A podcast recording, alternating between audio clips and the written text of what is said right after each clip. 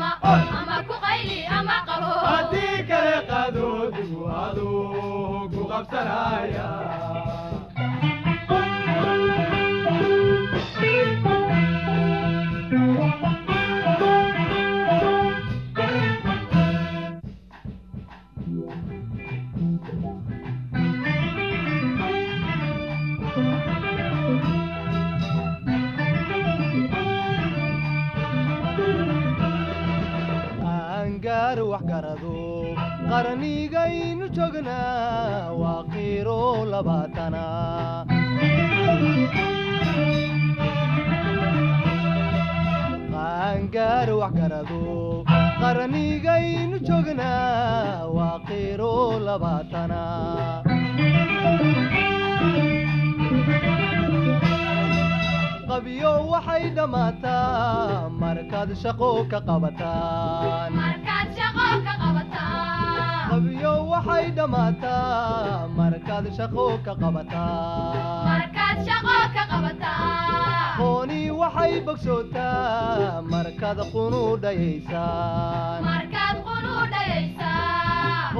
waxay bogsootaa markaad qunu dhayaysaan qoys wuxuu dhisnaadaa marka la qadaariya qooni waxay baxaysaa marka qaamudkii galo.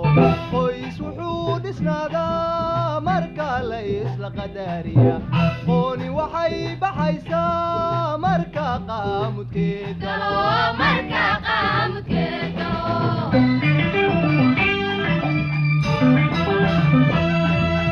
qabyo waxay dhammaataa markaad shaqo ka qabyo waxay dhammaataa markaad shaqo ka qabataan. Qooni waxay bogsootaa markaad qunu dhayaysaan qooni waxay bogsootaa markaad qunu dhayaysaan markaad qunu dhayaysaan qoys wuxuu dhisnaadaa marka la isla qadaariya. Quuni waxay baxaysaa marka qaamudkii galo. Qoys wuxuu dhisnaadaa marka la isla qadaariya. Quuni waxay baxaysaa marka qaamudkii galo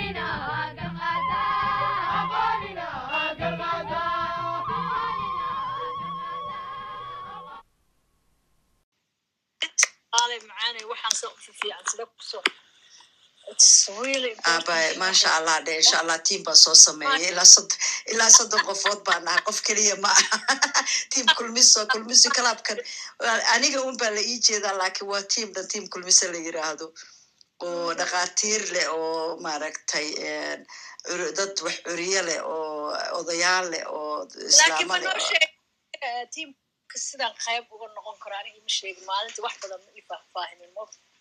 tiimka qof walbo abayo waxa waaye asigoo cod ahaan duubay ee podcastigu ku jiraa Ah, isku soo duuduub waxay tahay adigu ma leedahay cilmi een, bulshadu ay u baahan tahay.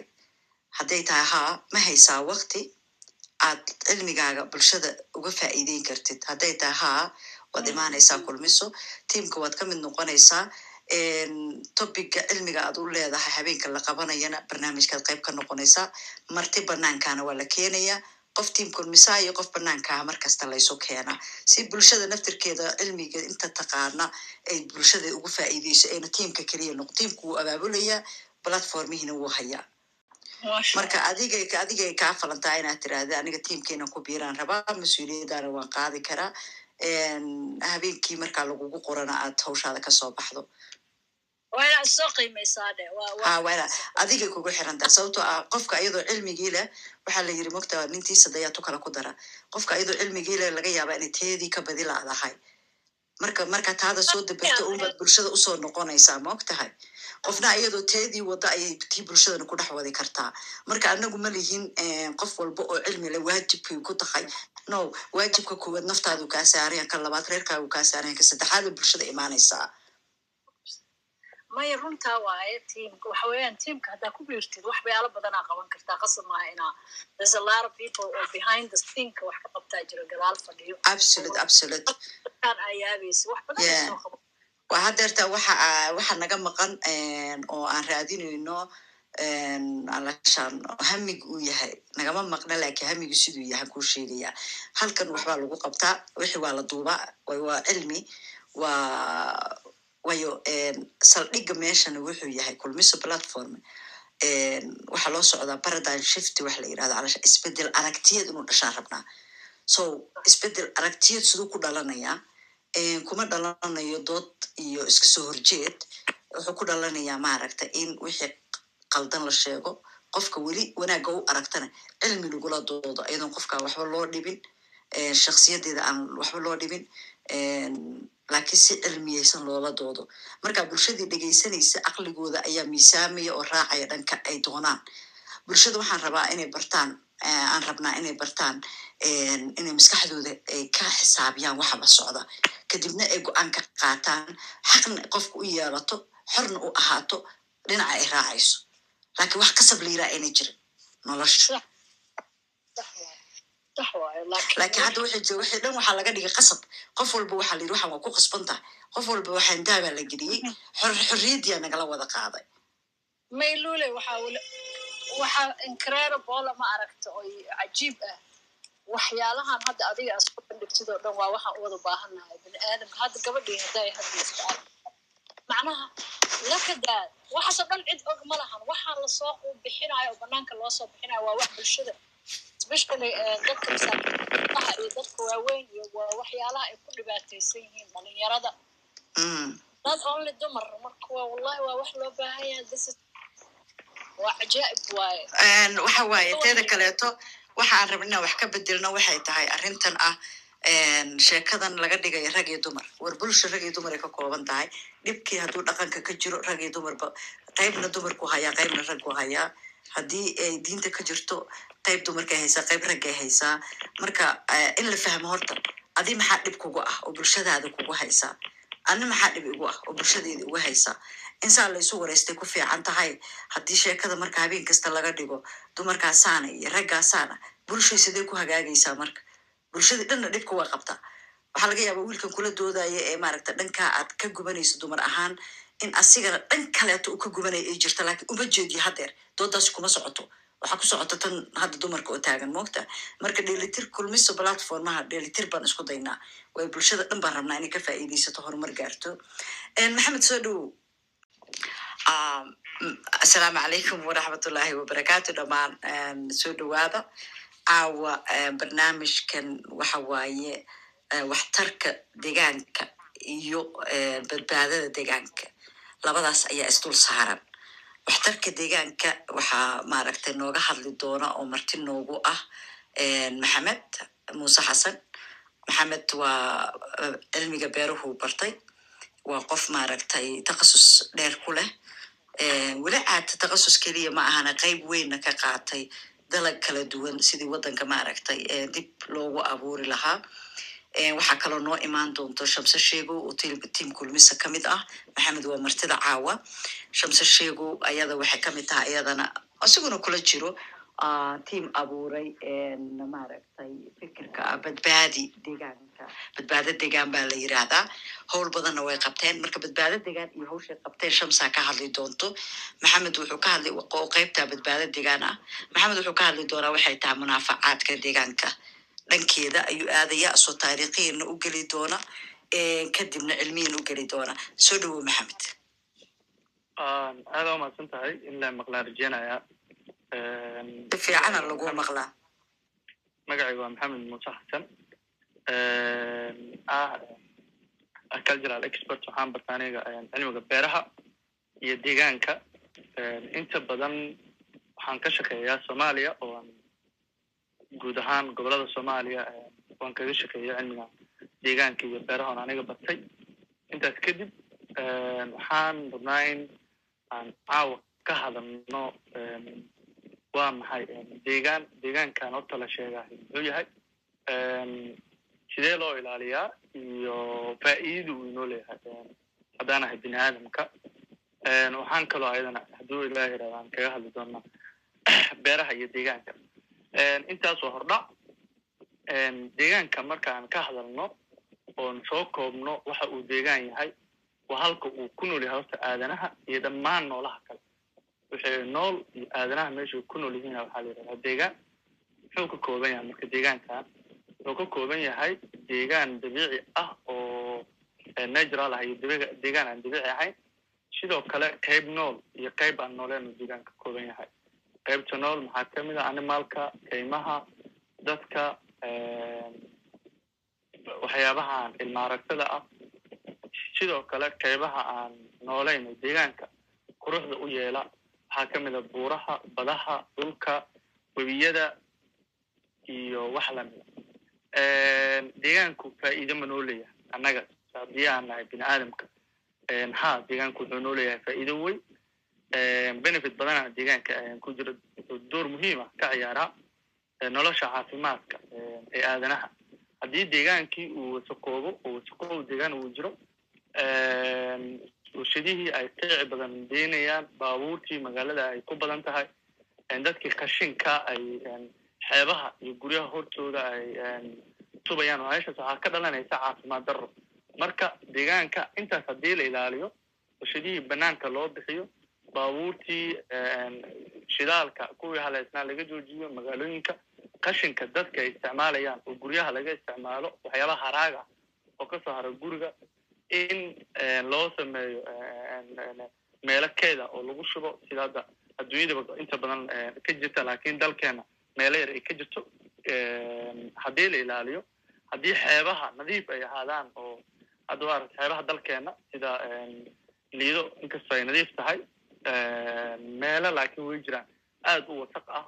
Marka meelahaas waxay keeni karaan caafimaad darro. Haddii la nadiifiyo xeebaha nadiif ay ahaadaan hawada marka la qaadanayo waa caafimaad. Waa faa'iido. Sidoo kale waxay door muhiim ah ka qaadataa in aan hawo caafimaad ah helno cunto deegaanka noo soo saara iyo baahiyo kale oo badan. Nidaamka marka aanu ka hadleyno taageerada nolosha oo dhan ee bini aadamku waxay ku xiran tahay inuu deegaankeena wanaagsanaado. Deegaankeena hadduu wanaagsanaado annagana dad wanaagsan oo dhinac walba isku dhelitiran baa naqana deegaanka sidoo kale wuxuu door muhiim ah ka qaataa jaango jaangoynta hawada iyo cimilada. Waxaad og tihiin in dalkeena uu maanta ka jiro isbeddelka cimilada uu saameyn weyn ku yeeshay. Ayadana waan ka hadli doonaa isbeddelka cimilada iyo saameynta uu ku yeeshay. In badanna aad og saameynta marka uu maanta deegaanka cimilada nagu yeeshay abaaraa jira dalka. Hadda abaaraa laga soo baxay waa og tihiin ka jirtay dhammaan gobollada dalka. Meelay u kala ma jirto. Waqooyi koonfur bartamaha soomaaliya abaaraa ka jiray. Hadda haddana maanta waxaa la sheegayaa oo soo kordhay fatahaado. Waa hadda abaaraan ka soo baxnay biyo la'aan baa jirta. Maanta jowhar iyo qardho waa maqlayseen meelo isku dhow maaha. Jowhar iyo qardho labadaba fatahaada ka dhacda ayadii oo ninka la yidhaahdo abaar ay jirtay. Marka waxaa sababay deegaanka annaga aan gacmaheena ku haleenay oo sababtoo ah qaraha webiga oo kale waxaanu sameynaa deegaanka aan dhoorin dadkii beeraleyda ahaa waxay sameynaya webiga oo qararka laga jabiyo qarka webiga markii laga jabiyo qofkan markii abaarta jirtay wuxuu islahaa kaga faa'iideyso biyaha yar ee webiga ku jira beertaada ha kuu soo galo. Marka wuxuu sameeyey dhibaato weyn oo hadhow asaga dib ugu soo noqonaysa markii webigii uu yimaado meelihii uu jabiyey waxaa ka baxay biyihii badnaa. Taasna waa saameyn kale oo ku yeelatay isbeddelka cimilada aan ka hadlayna weli. Isbeddelka cimilada dalkeena xaaladihiisa cawskiisa aad u u annaga marka waxaan sameyn inaan dhirtii jarno. Dhirtii deegaankeena ku tiilay oo dhul walba lahaa nooc walba lahaa inaan jarno marka waxaan aragnay in saameyn weyn aan anaga sameynay oo keensanay. Dalkeen wuxuu ahaa xilli qabow xilli kuleel hadda ma jirto. Mar waa ninka la yidhaahdo sanado dheer baad arkaysaa oo abaaro iska jiraan. Sida caadigan waxaa loogu talagalay tobankii sano inay hal mar abaar dhacdo laakiin annaga waxaan ognahay afartii sane ee soo dhaafay in abaaraha nagu soo badanayaan isbeddelka cimilada uu saameyn weyn nagu yeeshay. Waxaana sababay wasaqowga hawada oon annaga ka shaqaynay dhirtii oon jarnay iyo waxyaaba badan anaga gacan ku qabsan muhiimadda iyo faa'ida uu deegaanka noo leeyahay inaan ilaalino deegaankeena waa mar walba oo aan ka shaqayno intii aan sheegay waa mar walba oo aan gaarno deegaan xaalad caadiya oo qurux badan ku jira marka waxyaabo badan oo deegaanka aan kaga hadli doonaa soo dhawaada intaas furasha ii ahayd waa mahadsantaha abrul maasha allah aad iyo aad umahadsan tahay taasi waxay ahayd dhanka dhibaatooyinka iyo saameynta ay yeeshaan. Dhanka waxtarka markaa aado maxay tahay waddankeena waxa uu haysto iyo waxa ka maqan ay haysan kari lahaayeen hadday og yihiin? Deegaanka wax badan baa maanta ka maqan waxaa ka maqan in horta doorkii wacyigelinta waa maqan yahay. Habarshamsa sheegi doonta. Waxaa la rabaa hay'adaha iyo dowlado ka shaqeeya jira arrimahan deegaanka oo muhiim u tahay mar walba. Waxaa naga maqan annaga dalkeena doorkii wacyigelinta haddii ay jir lahayd doorka wacyigelinta dalku abaara ma jir lahayn maanta. Abaaraha waxaa sabab u ah oo ka shaqeeya mar walba gacantooda ku sababsada dadkeena.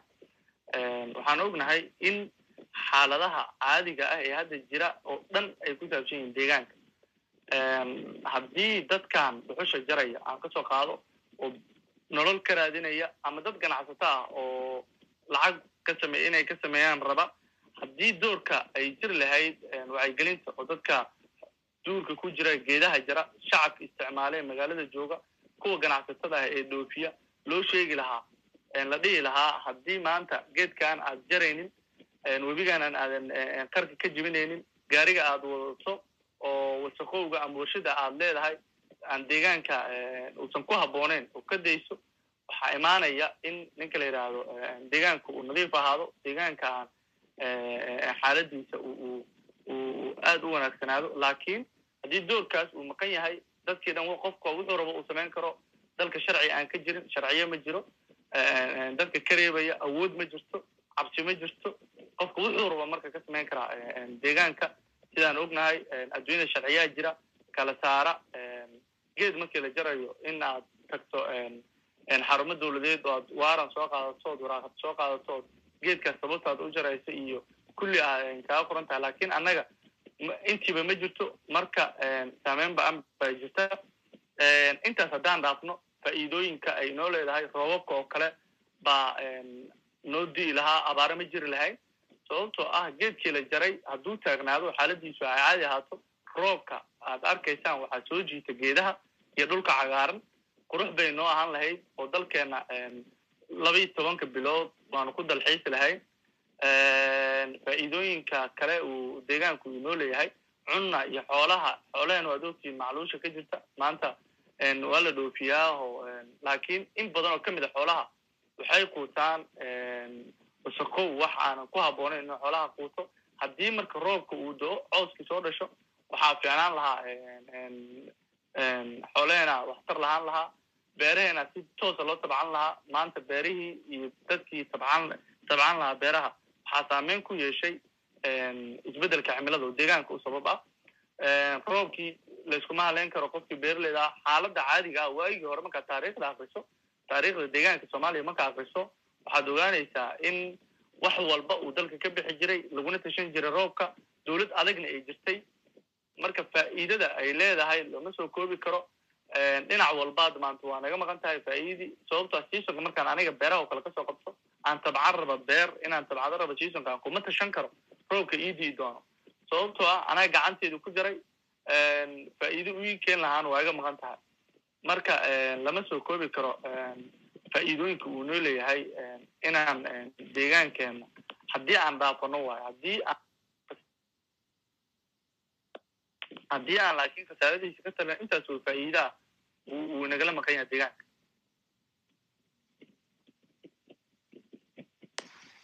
okay taasi waa xaqiiq alashaan dhirtu inay maaragtay tahay unugyada soo jiidanaya wanaagaas dhulkii biyaha siduu ku heli lahaa laakiin waddanku markuu nabadda ahaa saa ognahayba dhulka dhulka maaragtay webiyada u dhexeeyo ayaa aad beeruhu uga bixi jirin laba iyo tobanka bilood laakiin dhulalka kale laba iyo tobanka bilood kama bixi jirin beeruhu xilli roobaadka bisay ka bixi jireen laakiin roobka iska badnaa alxamdulilah maantana hadda waxa daciifiya adaaba sheegayba. Haddii dalaga dhankiisa aan aadno dalag waxaa jira aan beerano waxaa kaloo jira dalagyo dhulkeena aan laga beerin. Laakiin ku habboon oo cimiladoodii aan leenahay. Laakiin dadkeenu ayna aadino ina fiirinin. Marka dhankaas bal iyadana bal aada xoogaa yar.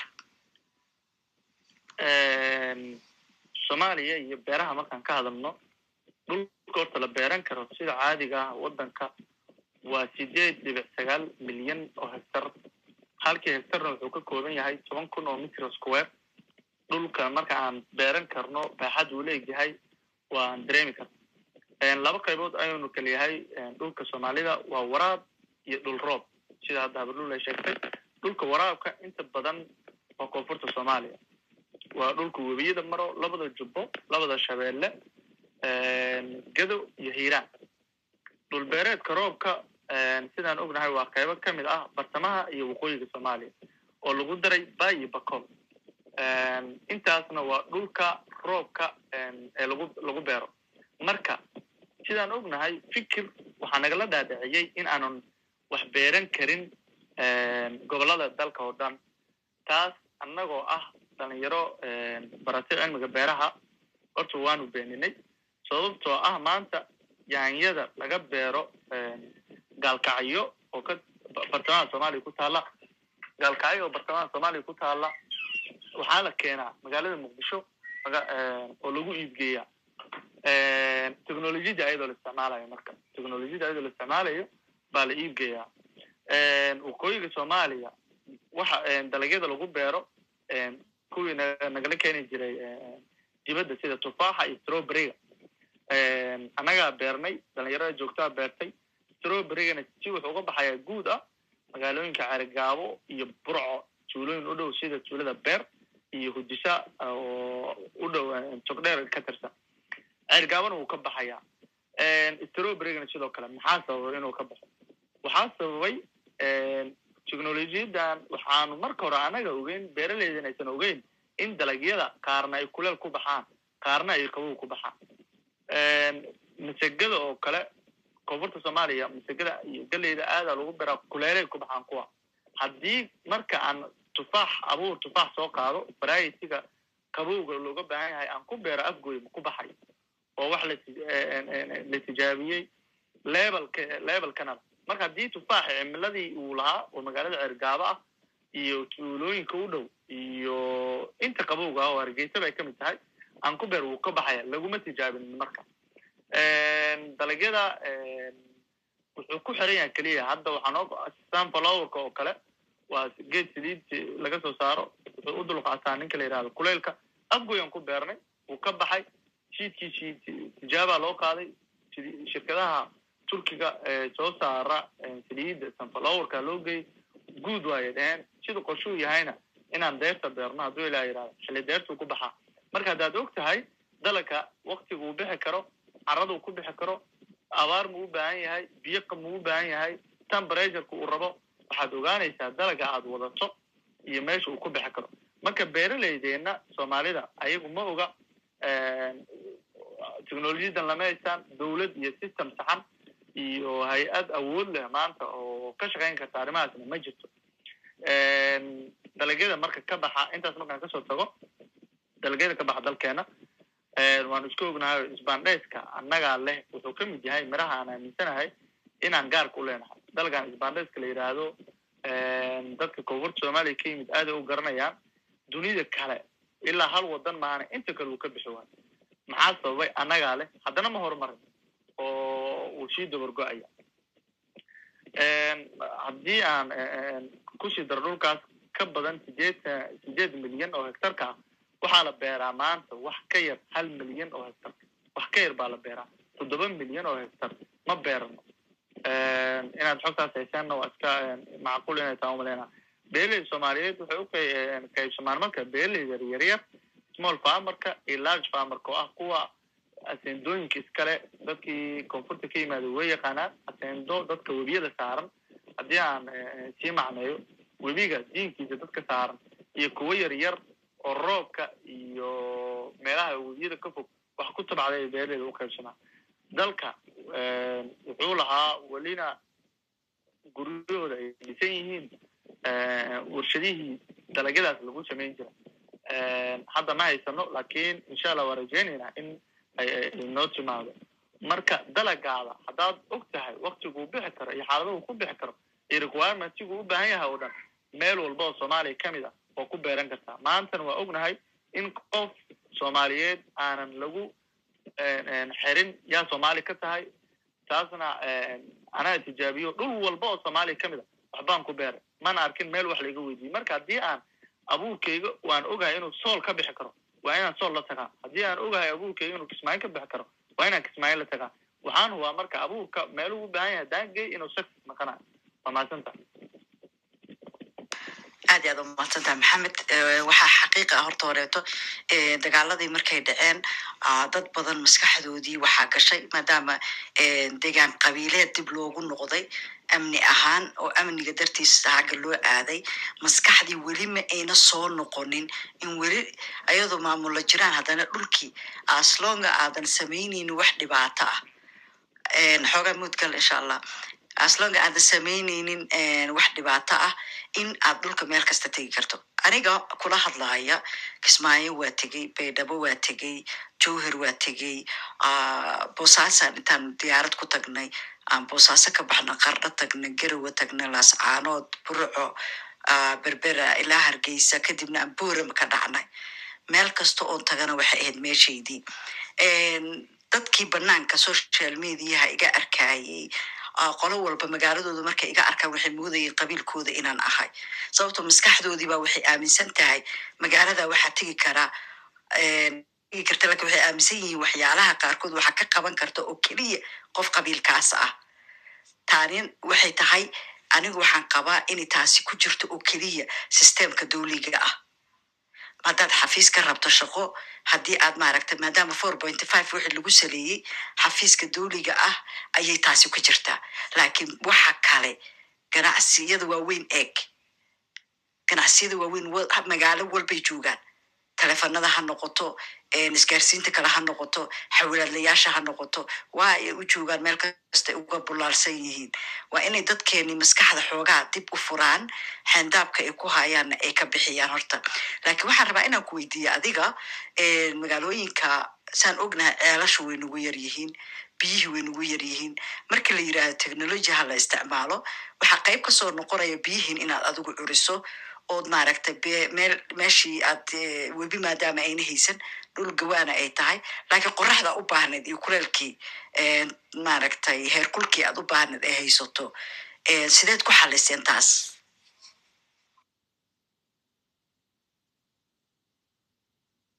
Muudka ka soo bax maxamed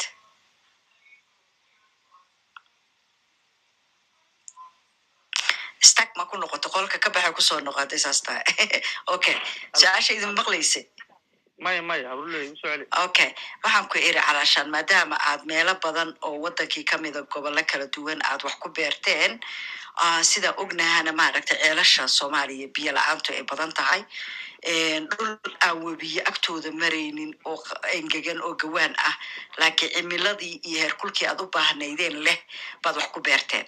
Sidee baad ku xaliseen waraabintii? Su'aal saxa waana aragnay. Hadda tusaale markaan ka soo qaado magaalo yidhaahdo galbarwaaqo intaa ku taalo sool ama magaalo la yidhaahdo gar adag gar adaga inta badan taqaanaan ceel afweyn waa dagaalo iyo waxaas ku maqasheen oo ah dhulka aanan lahayn biyaha uu aada u yar yahay laakiin dhulka uu yahay dhul beereed wax ka baxo. Dad baa mashruuc ugu sameynay uga beernay geley geleyda hadda laga isticmaalo magaalada shirkad burka soo saarta daqiiqa oo hadda ka furan oo hadda ka furan burco baa hadda looga qaadaa geleyda laga soo saaro tuuladaas marka waxaa la sameeyey ceel baa laga qoday ceelka wakti buu dheeraa wuu dheeraa ceelka aad mitirka laga qoda ayaa dheeraa waxaa kaloo la sameeyey dam daamamaa inta badan u sameynaa oo aad u weyn daamamkaasaa biyaha lagu kaydiyaa biyaha roobka marka qaarna sanadka sanad bay biyaha ku jiri karaan waxaa kaloo la kaashanayaa ceelkii maadaama aan lahayn biyo waraabo ku filan sida kale markaan u egno waxaan joojinay in greenhouse system waxa la yidhahdaan hadda isticmaalnaa jiro oo lagu beero dalagyada biyaha roobka in uusan dalaga u baahaninba biyaha baxayana ay ahaadaan biyo aada u yar. Anagoo biyo yar isticmaalayna roobkiina uu geedka u baahanin daamamka marka waxaan isticmaalnaa tubooyin drip irrigation amba waraabka tifkinta waraabkaasi marka wuxuu ka caawinayaa in biyihiina uu kaydiyo. Dalagiina biyo ku filan oo xisaab lagu xiray uu qaato. Sidiina uu ku baxo roobkii iyo wixii imaan lahaan uu isku xiray. Marka saasaan inta badan sameynaa. Annagoo ka ka cararayna in roobkii geedka aan barno. Geedka waa inuu bartaa inuu u dulqaataa drod systemka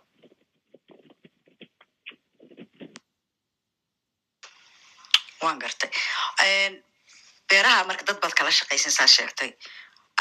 Beeraha aad beeraysiin calaashaan ma dadkii ayagu milkiilayaasha meesha joogaad ka caawinaysaan? Mise adinka naftarkiina dhulal baad ka iibsateen oo beeraad ku abuurtaan? Laba arrin ba waan sameynaa. Aniga maxamed muuse ahaan waxaana nin ka soo jeeda koonfurta soomaaliya waxna ka beerta waqooyiga soomaaliya. Dadka caadiga ah oo milkiilayaasha ama beerleyda ah waan u adeegnaa labo aniga oo kaashanaya dad ama bartamaha soomaaliya ka soo jeeda ama waqooyiga soomaaliya ka soo jeeda anagoo kaashanaya inaan sheer inta badan sheer baan sameynaa dalagyada aan rabno inaan tijaabino ama dalagyada aan rabno inaan caadi uga ganacsano sheer aan ku galnaa sidii aan uga beeranaa dhulka. Tusaale hadda maqaayad laga cuno restaurant laga cuno wadani foodka oo hargeysa ku taallo oo anaga leeyahay oo rag ila leeyihiin baa jirta. Geleyda marka laga cuno iyo digirta laga cuno iyo masegada laga cuno waxaa laga soo saaraa gabaley iyo arabsiya inta udhexayso beer ku taallo. Waxaana shirka ku ah aniga iyo dhalinyaro kale oo reer hargeysa. Marka marka halkaas joogo waxaan aaminsanahay in beerta aan aniga leeyahay oo beerta qarashkeedii dhulkii wixii aan ijaaranay ma iibsano laakiin anaga waan ijaaranaa dhulka. Dhulkaas aan ijaarano dhinaca kale beeraleydii deegaankana aan ka caawin wixii farsamo cusub oo anaga wadano.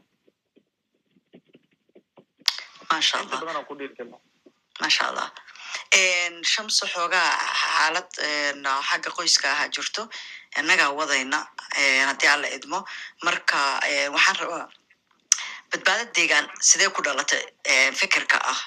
In bal dadkii lagu baraarujiyo geeda in la abuuro badbaado deegaan mashruuca badbaado deegaan aniga marta meel dhaxaan uga soo dhacay ani naftirkeyga qayb baan kaga jiraa bilowgeeda waa ogahay anaa marka bilaabaya. Meesha dhexda kaga soo dhacda adiga aad ku soo biiri doontaa. Waxaa jiray marka ugu horreysa horta fikirka ah sidee lagu badbaadin karaa waxan waxaa la istusay dhibaatooyinka aad sheegto oo dhan. In roob la'aantu ay sabab u tahay dhuxushan la samaynayo geedahan la sii gurayo.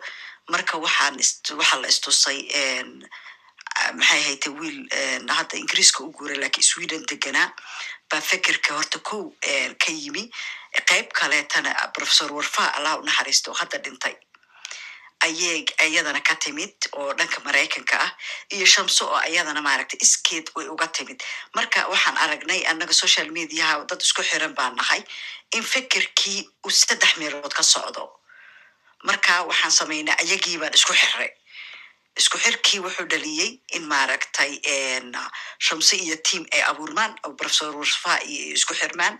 Kadibna ay abuuraan inay waddanka gudihiisii dadka dad maaragtay annaga lacaga naga qaadaan. Lacagahaasina ay yihiin sabiibalaahi iyo geed baad abuureysaa qof walba ay iibiso toban geed boqol geed haddaad iibin karto laba geed haddaad iibin kartid. Dad local ah oo markaa localka joogana ay mas'uuliyaddii la wareegeen inay geedihii ayaga soo iibiyaan la sameeyo marka in reer walba geed la siiyo reerkaana ee maaragta ayagu mas'uul ka noqdaan geedka baxnaanintiisa beeridiisa laakiin geedkii loo keenayo saa ay ku socoto baraa waa laga bilaabo ko kadib xoogaa yar soomaali dhib kama dhamaade eh baraawe xoogaa yar isku dhacdhaca yimid waxaan soo baxday in lacagtina waa la dirayaa geedihii reeraha waa loo beera kow laakiin meel dhexo ayaa xoogaa istaagid baa timid. Laakiin reerihii geedaha la siiyey geedahoodii way baxeen. Maasha allah ilaa hadeertaan maaragtay geeda dheeraadoo magaalada ku soo ku soo beeray ayay noqdeen. Fikirkii marka wuu sii socdo waxaa la yiri maadaama geedaha waxaa laga keenayaa afgooye safar dheer bay gelayaan. Qaar diyaarada la saarayaa qaar maaragtay gaari la saarayaa sidee la samayn karaa in beera la helo oo ay noqotaba annaga waxaan beeranay oo dadka aan maaragtay iskaa wax u qabso dad iyo dad shaqaala ah la isugu daro iskaa wax u qabsaday marka beerihii in dhulkii la helo dhulkii markaa la beero geedihiina markaas ay degaan walba ayaga ka soo baxaan oo inta la geeyo maaragtay iniintii halkaa lagu beero meeshii diyaarad lagu safrin lahaa. Aniga waxaan malaynayaa markaas inaad soo gashay halkaa ka sii wato sa fiican lul inaa aad iyo aad ula socotaa u malaynaya meeshaasaan ayaan kaga soo diray aniga waxaan leeyahay xarun ku taala degmada afgooye oo soo saarta dhirta magaalada muqdisho hoteelada iyo lagu beero guryaha jiidkana diyaarisa badbaado deegaan markii aan arkay hawshooda qayb ka mid ay la soo xiriireen in dhirtii mar walba aniga weliba anaa laiga iibin jiro dhirta in dhirtii laiga iibiyo diyaarada lagu qaado gobol to gobol la geeyo. Waxaan soo jeediyay fikirkaas in jiidkii aan caadi u beerno deegaan walbana jiidkii lagu beero. Jiidkaasna ay deegaankii beertii jeyda camal uu deegaan walba ay badbaado deegaan ku lahaato. Waxaan ka bilownay wasil oo u dhow magaalada hobyo mudug. Waxaan dhisnay xaruntii dhirta. Waxaan ku beernay ilaa afar boqol aan u malaynaya inay ahayd oo dhir ah maanta ay wada dhalatay. Dadkii deegaankana hadhow halkaas loogu qaado diyaaradihiin laga joojiyo. Sidoo kale baraawe waxaan ku beernay boqol qumbe. Anigu waa tegay baraawe maalin hore waa waa tegay xaruntii. Dhirta ay ku beernayd. Ma malayn kartid sida quruxda badan ay u baxday. Qorshuhuna wuxuu ahaa in xeebaha lagu beero. Warshiik sidoo kale dhirta ayadana oo lagu beera marka waxay ka caawisay dhirtii la qaadi jiray oo diyaarad lagu qaadi jiray ama gaari lagu qaadi jiray inuu stresska uusan ku dhicin siidkii meesha uu ku dhashay uu ku barbaaro meeshii hadhow lagu beero. Badbaado deegaan waa mid ka mid a mashruucyada ka jira arrim arrimaha deegaanka dadka ka shaqeeya. Kuwa ugu aktiibsan maantana la dhihi karo waxay u dhigantaa booskii ama waxay buuxisay booskii systemka dowladda. Inkastoo aysan systemka dowladda la gaaraynin laakiin hawsha ay qabanayso. Dhirtii in la beero deegaanadii laga beero daawooyinkii dadka daawooyinka la siiyey hobyo oo kale. Markaad tagto magaalada hobyo waxay ahayd markii kowgii aan aniga tegayay dabaysha waxa geed adiga ma arkayn markii aad xeebta u socoto magaaladii xeebta inta yarta udhexayso waxa geeda oo ishaada qabanayo ma aysan jirin. Laakiin hadda guri walba oo hobyo ku yaalla xeebta inta aan la gaarin inuu systemku li socdaan rajeynaya laakiin xeebta markii loo socdo dhirta ku taala ee laba sano jirsatay iyo hal sano jirsatay iyo intay la eg tahay ma malayn kartid. Marka waa mashruuc socda magaciisana laga dheehan karo oo ah in deegaankii la badbaadiyo. Dadkii bilaabay oo maamul lul ay ka mid tahana kheyr ilaahay ka siiyo wafana allah u naxariisto. Beri dhaweyd buu dhintay isagana wuxuu ahaa professor ku takusa abaableynta dhirta marka badbaado deegaan hawsheeda meel laxay hadda maraysaa xeebaha iyo dhulka aan geedaha lahaynayna inta badan ka shaqaysa maasha allah aada umahadsanta horta aniga na waxba kuma lahayn. Wax libinta aadan lahayn lama qaato laakiin shamse sheego shamse caraweele maadaama aan siban mataano u nahay dadka qaar inaan wada dhalanay moodaan waan wada dhalanayba ee ayada ku mashquulsan tahay qaybtaas ayaan maaragta fikirka ku darayay maadaama dad badan igu xiran yihiinna aniga arkay cabdinuur aniga arkay professor warfa marka ayadana waan ogaa aniga marka isku xirkaa un baan lahaa mogi marnaba ma gelin sababtoo ah qof walba qaadkeeda hadday ka tira badiso bulshada waxba u tarimaysa adna wax isuma taraysid. Howlahan hayaa badan. Marka waxa anigu aan golo walba oon arko waxaan isku xiraa ku dadaalaa in ayna wixisay maaragtay tayo u yeeshaan. Baan markaan arko afar qofood oo ama shan qofood oo isku wax wada laakiin bulshadii isku wax u wada ayagaasaan marka isku duwaa si ay ma tayo u yeeshaan oo dhinac uga soo jeestaan. Marka waxaan dhihi karaa duleel yar oo maaragta tayayntaas hore ah baan ku lahaa. Inta kalena waxaan ahay calanka dadka u sida oo banaanka uga sacabatomaya marka waxaan jeclaan lahaa hadeertaaneeto inaan maaragtay gacmaha furo oo walaalaha nala jooga wixii fikir ay ku darayaan iyo wixii su'aal ayna weydiinayaanba ay ku weydiinayaan aan dhaho. Waa adiga ninka cilmiga ule anigu beero cilmi uma lihi aadanahaas cilmi u leeyahay caafimaadkiisa adigu beeraha caafimaadkooda cilmi u marka gacmaha waan furay waa soo taagan kartaan insha allahu tacaala. Ama fikir aad ku daraysa ha noqoto ama maaragta su'aal aadna weydiinayso ha noqotee soo dhowow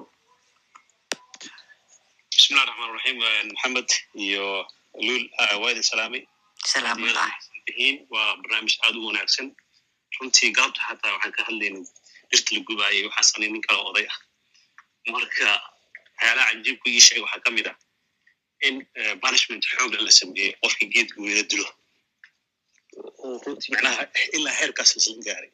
Marka dadka waa laga celin waaya geedaha inay guraan ay dhuxul ka dhigaan marka saas awgeed wuxuu iga sheekeynaya maanta qosooyin ka dhacay marka deegaano markan oo kamida gobollada dhexe. Wuxuu iga sheekeynayay iyo sidii lagu joojiyey macnaha. Marka run waay maxamed aad umasan tahay cilmigaaga iyo aragnimadaadii waxaad nagu zaa'idisay runtii waxaan rabay keliya inaan ku daro geedka la yidhaha avocadada ayaa hadda waxaa lagu beeray gobolka hiiraan. Runti si fiican unu baxayaa. Runtii maaragtino dhalinyaro ku soo baratay cilmiga beeraha jaamacadda camuud ayaa yimaadeen oo kadib markaas iyagu halkaas ku tijaabiyeen. Wuxuuna noqday successful. Marka waxaan aaminsanahay in cananaaska oo weli aanan ku arkin meel lagu beeray soomaaliya isna uu meel uu deegaanada soomaaliya ka mid ka bixi karo. Tufaaxa waan arkay soomaaliya ka baxay stroberiga sidoo kale waan maqlay. Waxaan kaloon marka aan aad u danaynayay especially magaalada johar waxaa aad caan ugu tahay gabaldayaha geedkan gabaldayaha la yidhaah oo saliidda laga sameeyo waxay kaloo caan ku tahay johar iyo deegaankaas ku hareereysan briiska waxaan arkay afar nooc oo briiska ka baxayo marka briiska ka baxa johar waxaa lagu gadaa suuq la yidhaha suuq bacad oo xamar ku yaal. Suuqaas waxaa iibsaday keliya dadka localka ah. Waxaa arkaysaa marka inay ku leeyihiin marka caloosha laga qabto iyo inay dhaan briiskii johara la ii keeno kaasaa ii fiican laakiin dadka aysan market fiican uusan lahayn marka ma wadaan barnaamij ah baraarujin ah in dadka ay cunaan dalagyada dalka soo baxo. Oo markaasi ay noqoto in dadkii beeraleyda ay ku dhiiradaan inay dalagyada abuuraan amaasantiin aada umahadsan tahay cabdirasaaq. Maxamed intuuna ka jawaabin waxaan rabaa inaan taariikh yar oo wadanka norway aan ku noolahay aan ku daro waxaa maqlayseen maxamed inuu sheegay sideed milyan iyo something dhul la beeri karaa oo dhul beeraad aynu wadankeena leeyahay. Aniga waxaan ku noolahay wadan la yidhaha norway. Waa buuro iyo biyo asiga dhanba. Waxa waaye dhulka dalag laga beeri karo asiga dhan marka la isku celceliyo dhirirkana soomaaliya uu la egyahay waa saddex boqolkiiba saddex. Waxa ku bee ka soo baxa waxa ugu badan baradhada. Wadankan marka baradhada maadaama ay dalaga ugu badan ay tahay waxay sameeyeen si baradhadooda loo iibsado. Waddankan sida muqaadaraadka oo katorobaan ka tahay baradhada baradho lama soo geliyo. Haddaad soo gelinaysidna waxaa lagaa qaadayaa kasta markaad soo marinaysaa canshuur waxaa lagaa qaadaa toban jibaar ah.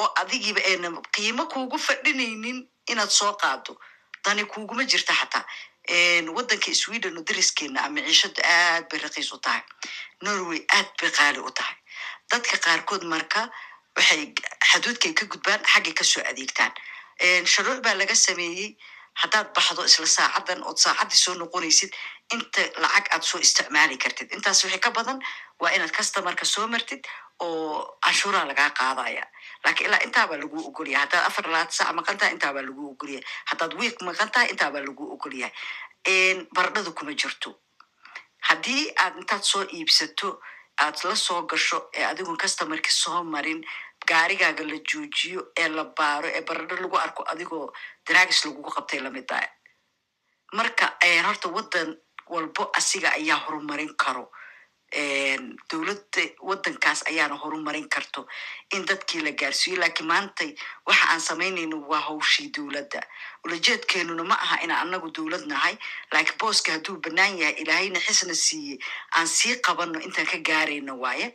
Marka maxamedow bal soo dhawow ka jawaab su'aasha cabdirasaaq. Maxamed mud ka soo bax. Ha sure.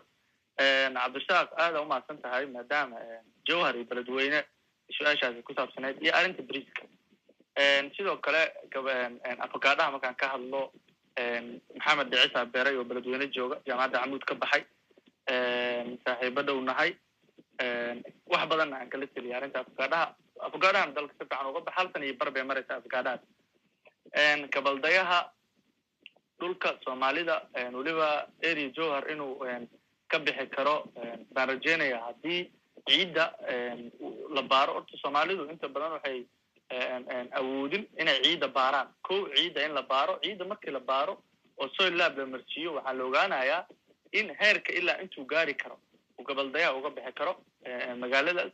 Iyo dalag walba oo kami sababtoo ah ciidda markii la baaro waxay kuu sheegaysaa nafaqada ciiddan ku jirta midda ka maqan temperatureka ciidda. Marka hadhow waxaa ku ogaan kartaa dalag walba iyo levelka uu ku qoran. Marka aad iswaafajiso waana rajaynaynaa in ciiddaas jowhar aan baarno haddaan helno dad aan kala tashano noo fududay hadduu ilahan gaarsiiyo arrinta beriiska beriiska waxaanan loo cuni karin horta beriisku uu ka soo baxaa jowhar.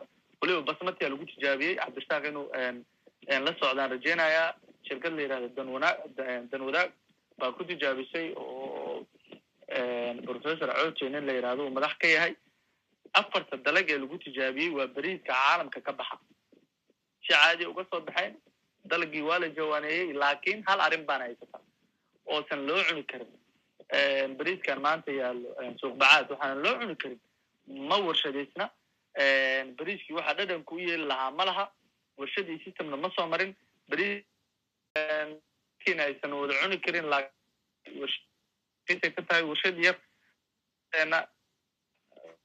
beriiska keensata ee dekeda ka soo way awoodi waayeen ayagana laba warshad beriiskaas adeysan marka caqabad halka jirta arrinta cananaaska cananaaska dalka waa lagu beeray sabradiisan ku hayaa anaa beeray waxaa kaloo beeray oo kala shaqeynay nin la yidhahdo maxamed cali jisow oo daynila degan oo reer canada ah inaad taqaanaan. Ma ogi? Cananaaskii wuu beeray caadi uga soo baxay. Weliba cadcaddan daynila waa carcad carmadow maaha meel biyo fiican leh waaye sabradiisna waa kula wadaagi. U sameeyey dashka dash baad gelaysaa hawadii afarta gesi kaasoo gelaysaa haddana kuraasta iyo waxa yaalla waa casri. Oo waxaad dareemaysaa inaad hotel dhex fadhidid you know? Marka waa loo baaha waxaa loo baahan yahay dadka sidii maxamed cali jiso iyo adiga maxamed muuse xasan dadkiinaas iyo wiilasha aad sheegtay in ayaga naftirkooda la sababtoo ganacsato badan baa tihiin. Adinkoo ganacsato ah ayaa haddana cilmigiin oo maaragtay dhankiinu ahaa ayaa raacdeen sidee marka ganacsatada ah ee dhaqaalaha haysa. Dhibta ku keenaysa. In ay maaragtay eh, qayb ku sh- eh, shura- shuraakada la noqdaan shadihii keenaan u yeesho oo waddanka looga cuno. Kow markuu nabadda ahay xataa dad baastada bariiska ka soo baxa jowhar iyo laga keeno. Sokorta warshadii jowhar samayneysay badanaa lama jecleen waayo ay ahayd. Haddana maanta adduunka caalamka aan nool nahay. Ile heli lahaa beriikaas waddankeenu markuu nabadda ahaa ay jowhar ka soo bixi jiray. Iyo sokortii haddii maanta la heli lahaa dahab bay noqon lahayd. Runtii sababto sokortan cadi waa mid nafaqadii laga dhameeyey oo la burburiyey oo alasha mogtahay hadda markaad bur marka aad cunaysid mid ma aha. Ay midna wuu qaadanayaa. Tartiib bay nafaqadii u gelaysaa shaqadeedii warshad qabatay. Marka burkaa cad iyo baastadaa cad. Dadkeena naftirkooda siin karaa kalarka ha ka raacine fiber ba. Hadda ad leedahay maaragtay waxay dhaha caloosha ugu fiicanya waxay tahay fiberkii jirta. Inkastoo uu tirada ka badan yahay oo macaankii ka dhumay dheelitir buu u baahan yahay iyo warshad kala bixiso. Marka maxamed xasanow maxamed muusow bal labadaa su'aalo dul istaag insha ganacsatada habkii maskaxdooda looga keeni lahaa in ay shuraaka idinla noqdaan iyo dadka mujtamaca sidii looga dhaadhacsiin lahaa in waxa madoobi ayna ahayn